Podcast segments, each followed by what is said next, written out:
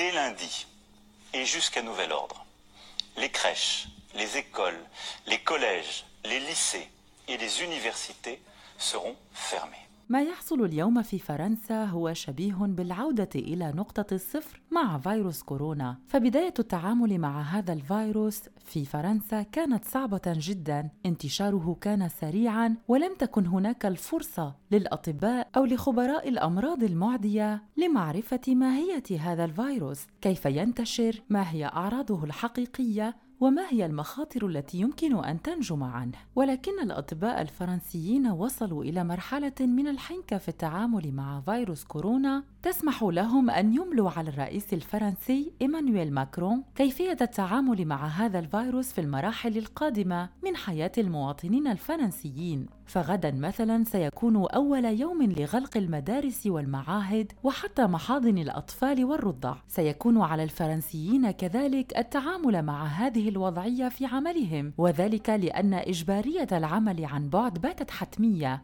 التنقل بين المدن الفرنسية المختلفة كذلك لمسافة تتعدى العشر كيلومترات سيكون ممنوعاً. وهذا طبعا مع الاستمرار في فرض حظر شامل على كل البلاد. السفر من وإلى فرنسا لن يكون ممنوعا ولكنه سيخضع لقواعد صارمة للتمكن من الحد من نقل فيروس كورونا عبر السفر والمسافرين. ماذا ينتظر فرنسا اقتصاديا اجتماعيا وصحيا خاصة؟ هذا ما سوف نحدثكم عنه في حلقة اليوم من بودكاست في عشرين دقيقة. ابقوا معنا. أهلا بكم.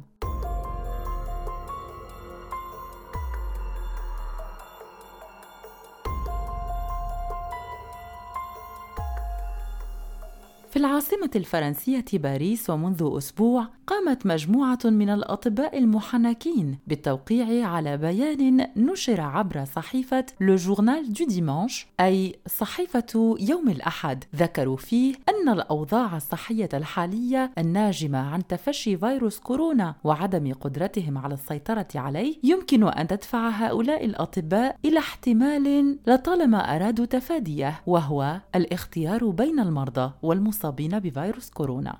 فالأسبوعان القادمان سيكونان حرجان جدا بالنسبة للأطباء وللمرضى خاصة. فرز المرضى لاختيار من ينجو ومن يموت أصبح رهان المرحلة القادمة وذلك نظرا للارتفاع الشديد في عدد الإصابات بفيروس كورونا. حصيلة الأشخاص الذين أصيبوا بفيروس كورونا في فرنسا منذ بداية الجائحة تتجاوز اليوم الأربعة ملايين ونصف مليون شخص. ويخشى الأطباء أن عدد المصابين سوف يغطي عدد الأسرة المتوفرة للعناية بهم وطاقة الاستيعاب سوف تتراجع. رئيس الوزراء الفرنسي كان قد أعلن منذ فترة عن رغبة الحكومة الفرنسية وأصحاب القرار فيها فرض عزل عام لمجموعة من المناطق وخاصة للعاصمة باريس وذلك بعد أن تعثرت حملة التطعيم وتزايدت وتيرة انتشار سلالات جديدة من فيروس كورونا. هذه السلالات الجديدة المنتشرة من الفيروس والتي شهدت انتشارا كبيرا في صفوف المواطنين الفرنسيين كبارا وصغارا أجبرت الرئيس إيمانويل ماكرون على تغيير تعامله مع الجائحة وتغيير محاور قراراته. فقد أعلنت الحكومة الفرنسية في الثامن عشر من آذار مارس الحالي فرض إغلاق تام جديد لمدة شهر في 16 مقاطعة فرنسية من بينها باريس ومنطقتها وعلى الرغم من أن جون كاستيكس وهو رئيس الوزراء الفرنسي قد وعد بمواصلة حملة التطعيم وجعلها أشمل وأكثر شيوعا للوصول لكل الفئات الفرنسية فهذا لم يمنع الفيروس من محاولته ربح معركته أمام الفرنسيين مما استدعى الغلق الكامل لكل البلاد. فالرئيس الفرنسي إيمانويل ماكرون كان واضحا جدا في آخر خطاب ألقاه على مسامع الفرنسيين يوم الأربعاء الفارط ومن خلاله قرر توسيع الحجر الصحي الشامل لمواجهة فيروس كورونا ليشمل جميع أراضي البلاد لمدة شهر كامل.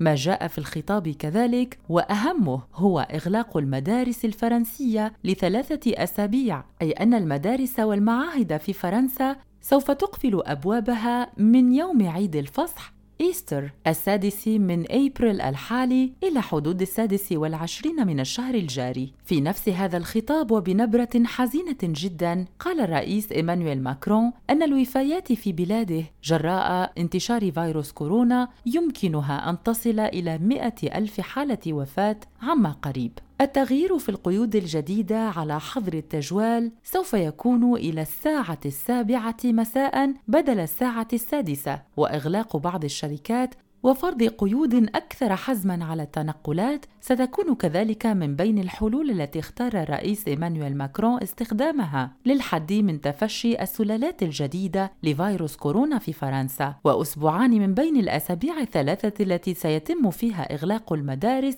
تصادف بطبيعتها عطلة الربيع التي سيتم توحيدها في جميع أنحاء البلاد. لذلك يرى الرئيس الفرنسي أن فترة الإغلاق لن تكون مؤثرة بشكل سلبي جدا على التلاميذ. الرئيس ماكرون في خطابه أكد بأن الغلق وإعادة فرض حجر شامل على كل البلاد يعد أفضل حل لإبطاء انتشار تفشي الفيروس وأضاف بأن فرنسا نجحت في فترة سابقة في إبقاء مدارسها مفتوحة لفترة أطول مقارنة بالكثير من الدول المجاورة خلال الجائحة. وأضاف ماكرون قائلا إذا لم نتحرك الآن سنفقد السيطرة على الوضع بشكل تام. وزير الصحة الفرنسي قد اعتبر يوم الخميس الفارط أنه يجب الانتظار من سبعة إلى عشرة أيام للوقوف عند فعالية الإجراءات الجديدة التي تم الإعلان عنها مؤخرا من قبل الرئيس الفرنسي إيمانويل ماكرون خلال خطابه الذي ألقاه يوم الأربعاء الفارط. وقال الوزير بأن الأرقام تشير إلى ثبات في عدد الإصابات في باريس خاصة بفيروس كورونا، ولكن مناطق أخرى تشهد شيئا فشيئا ارتفاعا واضحا في عدد الإصابات، هذا ما يعني بأن التنقل بين المناطق والمدن الفرنسية أصبح شديد الخطورة. عدد المرضى في هذه المناطق تخطى عدد أقسام العناية المشددة بالبلاد الخمسة آلاف، وهو ما زاد عن أعداد المصابين خلال ذروة تفشي فيروس كورونا في فترة الحجر الصحي الثانية في تشرين الأول أي أكتوبر لسنة 20 و2000 Le Journal du Dimanche وهي نفس الصحيفة التي نشرت البيان الذي وقع عليه الأطباء الفرنسيون في العاصمة باريس أكدت نفس الصحيفة أن إيمانويل ماكرون الرئيس الفرنسي قال أن فرنسا لن تغير في الوقت الراهن الاستراتيجية التي سطرتها لمكافحة وباء فيروس كورونا وذلك على الرغم من دعوات عديدة ومختلفة ومن عناصر وأطراف مختلفة للتخفيف من قيود السيطرة على الفيروس. وذلك لمحاولة إنقاذ الاقتصاد الفرنسي الذي تضرر بشكل كبير من الإغلاق الشامل للبلاد. ماكرون أضاف أن الحملة الوطنية للتلقيح سوف تستمر وفق عامل السن للحيلولة دون وقوع فوارق اجتماعية وجغرافية بين الناس. وقد جدد دعوته للمواطنين الفرنسيين للقبول بإجراء اللقاح لأنه وحسب رأيه لا يوجد أي حل لمن أرهقهم الوباء سوى تلقي اللقاح. وهذه التصريحات تأتي في وقت تواجه فيه الحكومة الفرنسية إمكانية حدوث موجة ثالثة للفيروس في البلاد. الاستراتيجية الفرنسية التي تم خطها لمحاربة تفشي فيروس كورونا بسلالاته الجديدة هي استراتيجية جاءت بعد مراحل كثيرة عاشها الفرنسيون منذ بداية تفشي الفيروس إلى حد هذه اللحظة، وهذا في ظل تأكيد مستمر على لسان ماكرون أن الإجراءات الوقائية المتخذة يمكن أن تخفف من انتشار الوباء ولذلك فالفرنسيون مستعدون لأخذ تدابير جديدة في حال لزم الأمر.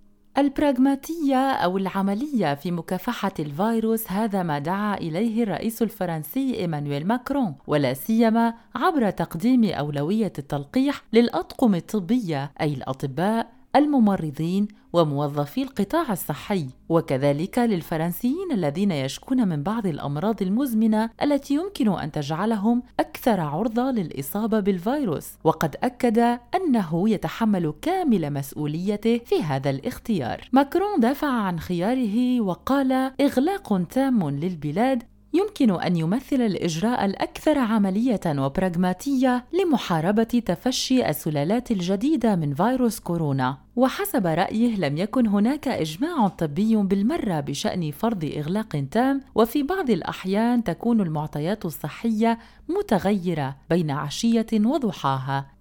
بعض الأخصائيين مثلا كانوا يقولون بأن فرنسا تسير نحو الكارثة، لكن في الحقيقة ماكرون يؤكد بأن فرنسا لم تصل إلى ذلك بفضل اتخاذ الإجراءات الصحية المتناسبة مع كل مرحلة.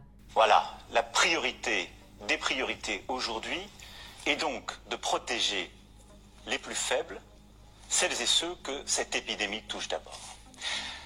La deuxième, c'est de freiner l'épidémie. Pourquoi ministre de la Santé et directeur général de la Santé vous l'ont expliqué à plusieurs reprises, pour éviter l'accumulation de patients qui seront en détresse respiratoire dans nos services d'urgence et de réanimation. Il faut continuer de gagner du temps et pour cela, je vais vous demander de continuer à faire des sacrifices et plutôt d'en faire davantage, mais pour notre intérêt collectif. Dès lundi et jusqu'à nouvel ordre, les crèches, les écoles, les collèges, les lycées et les universités seront fermés. Pour une raison simple, nos enfants et nos plus jeunes, selon les scientifiques toujours, sont celles et ceux qui propagent, semble-t-il, le plus rapidement le virus, même si pour les enfants, ils n'ont parfois pas de symptômes et, heureusement, ne semblent pas aujourd'hui souffrir de forme aiguë de la maladie. C'est à la fois pour les protéger et pour réduire la dissémination du virus à travers notre territoire. ما استمعتم له مستمعين هو مقطع مما جاء في خطاب الرئيس الفرنسي الذي ألقاه الإربعاء الفارط وقد قال في هذا المقطع إننا على يقين بأنه من المهم جدا أن تكون هناك أولويات أي أننا في هذه الفترة يجب علينا حماية الأشخاص الذين هم عرضة أكثر من غيرهم للتضرر من فيروس كورونا. يجب علينا اذا حماية من هم أضعف. الخطوة التالية والتي يجب علينا اتخاذها هي الحد من انتشار الفيروس وهذا طبعا بناء على ما أكده وزير الصحة الفرنسي وعدد كبير من الأطباء الفرنسيين بأنه من المهم أن نسيطر على الوباء نظرا لتراجع وضعف طاقة الاستيعاب في المستشفيات المختلفة في البلاد. يجب علينا فعلا كمواطنين فرنسيين ربح الوقت والعمل ضد الفيروس لصالحنا مهم جدا. ما سأطلبه منكم كفرنسيين هو التضحية أكثر فاكثر لتحدي هذا الفيروس اللعين وهذا لمصلحة الجميع طبعا. لذلك قررت ومنذ يوم الاثنين المقبل اي يوم الغد طبعا غلق كل المدارس والمحاضن والمعاهد والجامعات حتى. وذلك لسبب بسيط جدا وهو بأن العلماء والخبراء في مجال الأمراض المعدية هم على شبه يقين بأن أطفالنا في المدارس هم ناقلون للفيروس ولكن بشكل صامت لأنهم من أكثر الأشخاص الذين لا تظهر عليهم علامات المرض. ما اتخذناه من قرارات هو من ناحية لحماية أطفالنا خاصة والمواطنين الفرنسيين ومن ناحية أخرى للحد من انتشار هذا الفيروس على أراضينا.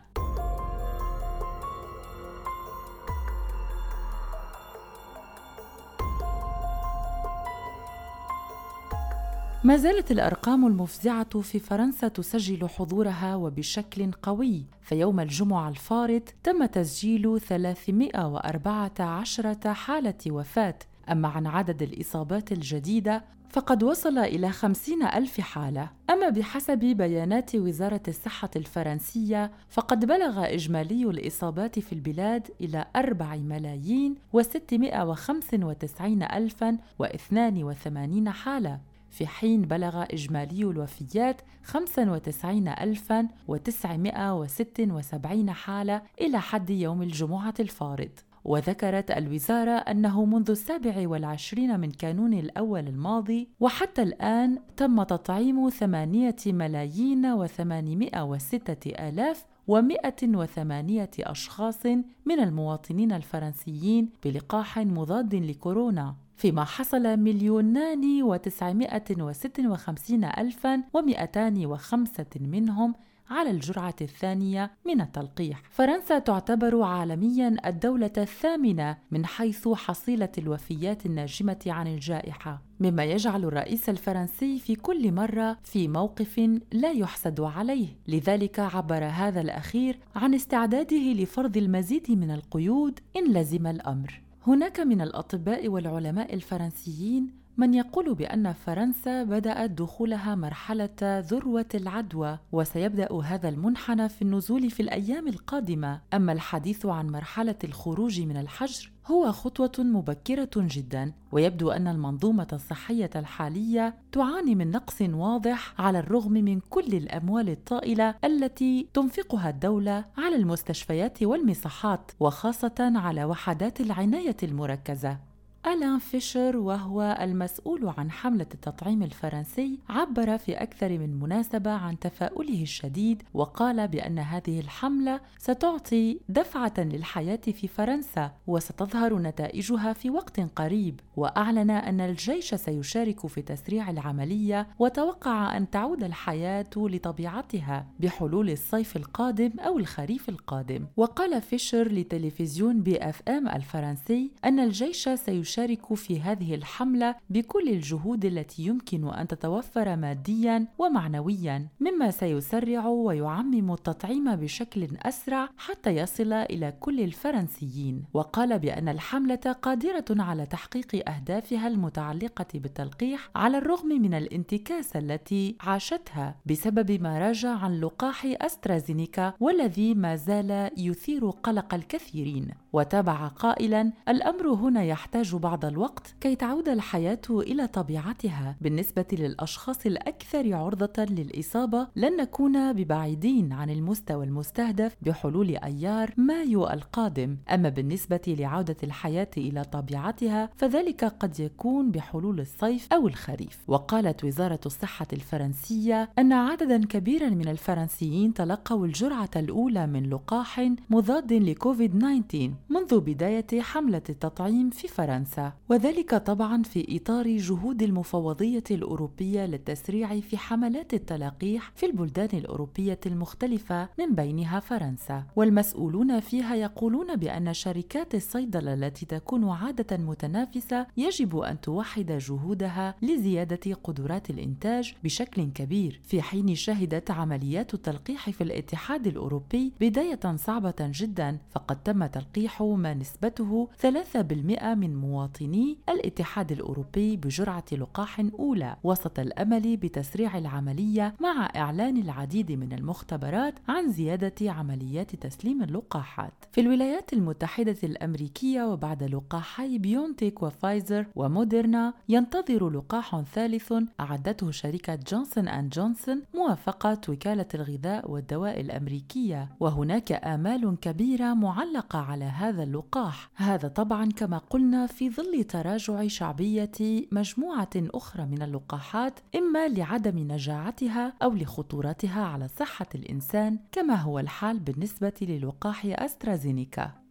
فرنسا في هذه الفترة تواجه مرحلة صعبة جدا وذلك نظرا لأن اقتصادها بدأ يضعف في ظل إغلاق شركات كثيرة والتخلي عن عدد كبير من الموظفين، فالأمر لم يعد في فرنسا يخص الجانب الصحي الذي مسه فيروس كورونا، ولكن الجانب الاقتصادي للبلاد وعجلة الاقتصاد التي تعطلت والتي أصبح من الضروري إيجاد حلول لدفعها من جديد يعد هو الآخر من الالتزامات الكبيرة والمهمة التي يواجهها رئيس فرنسا إيمانويل ماكرون وحكومته. الرئيس الفرنسي يجد نفسه اليوم مضطرا لفرض الحجر الشامل الثالث على التوالي وذلك لمواجهة وتطويق انتشار الفيروس من ناحية وللمحافظة على نسق اقتصادي غير متسارع غير متطور ولكن مستقر إلى حد هذه اللحظة. فرنسا اليوم مثلا ليست في مرحلة تسمح لها بالنظر للجانب الثقافي أو للترويح عن الأشخاص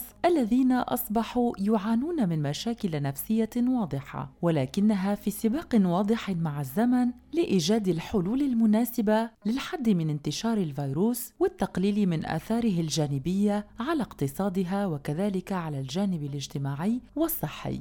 فالمنظومة الصحية الفرنسية تعاني اليوم من صعوبات كثيرة تواجهها بشكل يومي، على الرغم من أنه كان يعد قبل كورونا طبعا من أعرق وأقوى الأنظمة الصحية في العالم، ولكن اليوم أصبحت النقائص تحيطه من كل جانب ولم يعد قادرا على مواجهة موجة ثالثة يبدو أنها سوف تكون عنيفة جدا إن لم يتم تطويق انتشار السلالات الجديدة من فيروس كورونا في فرنسا.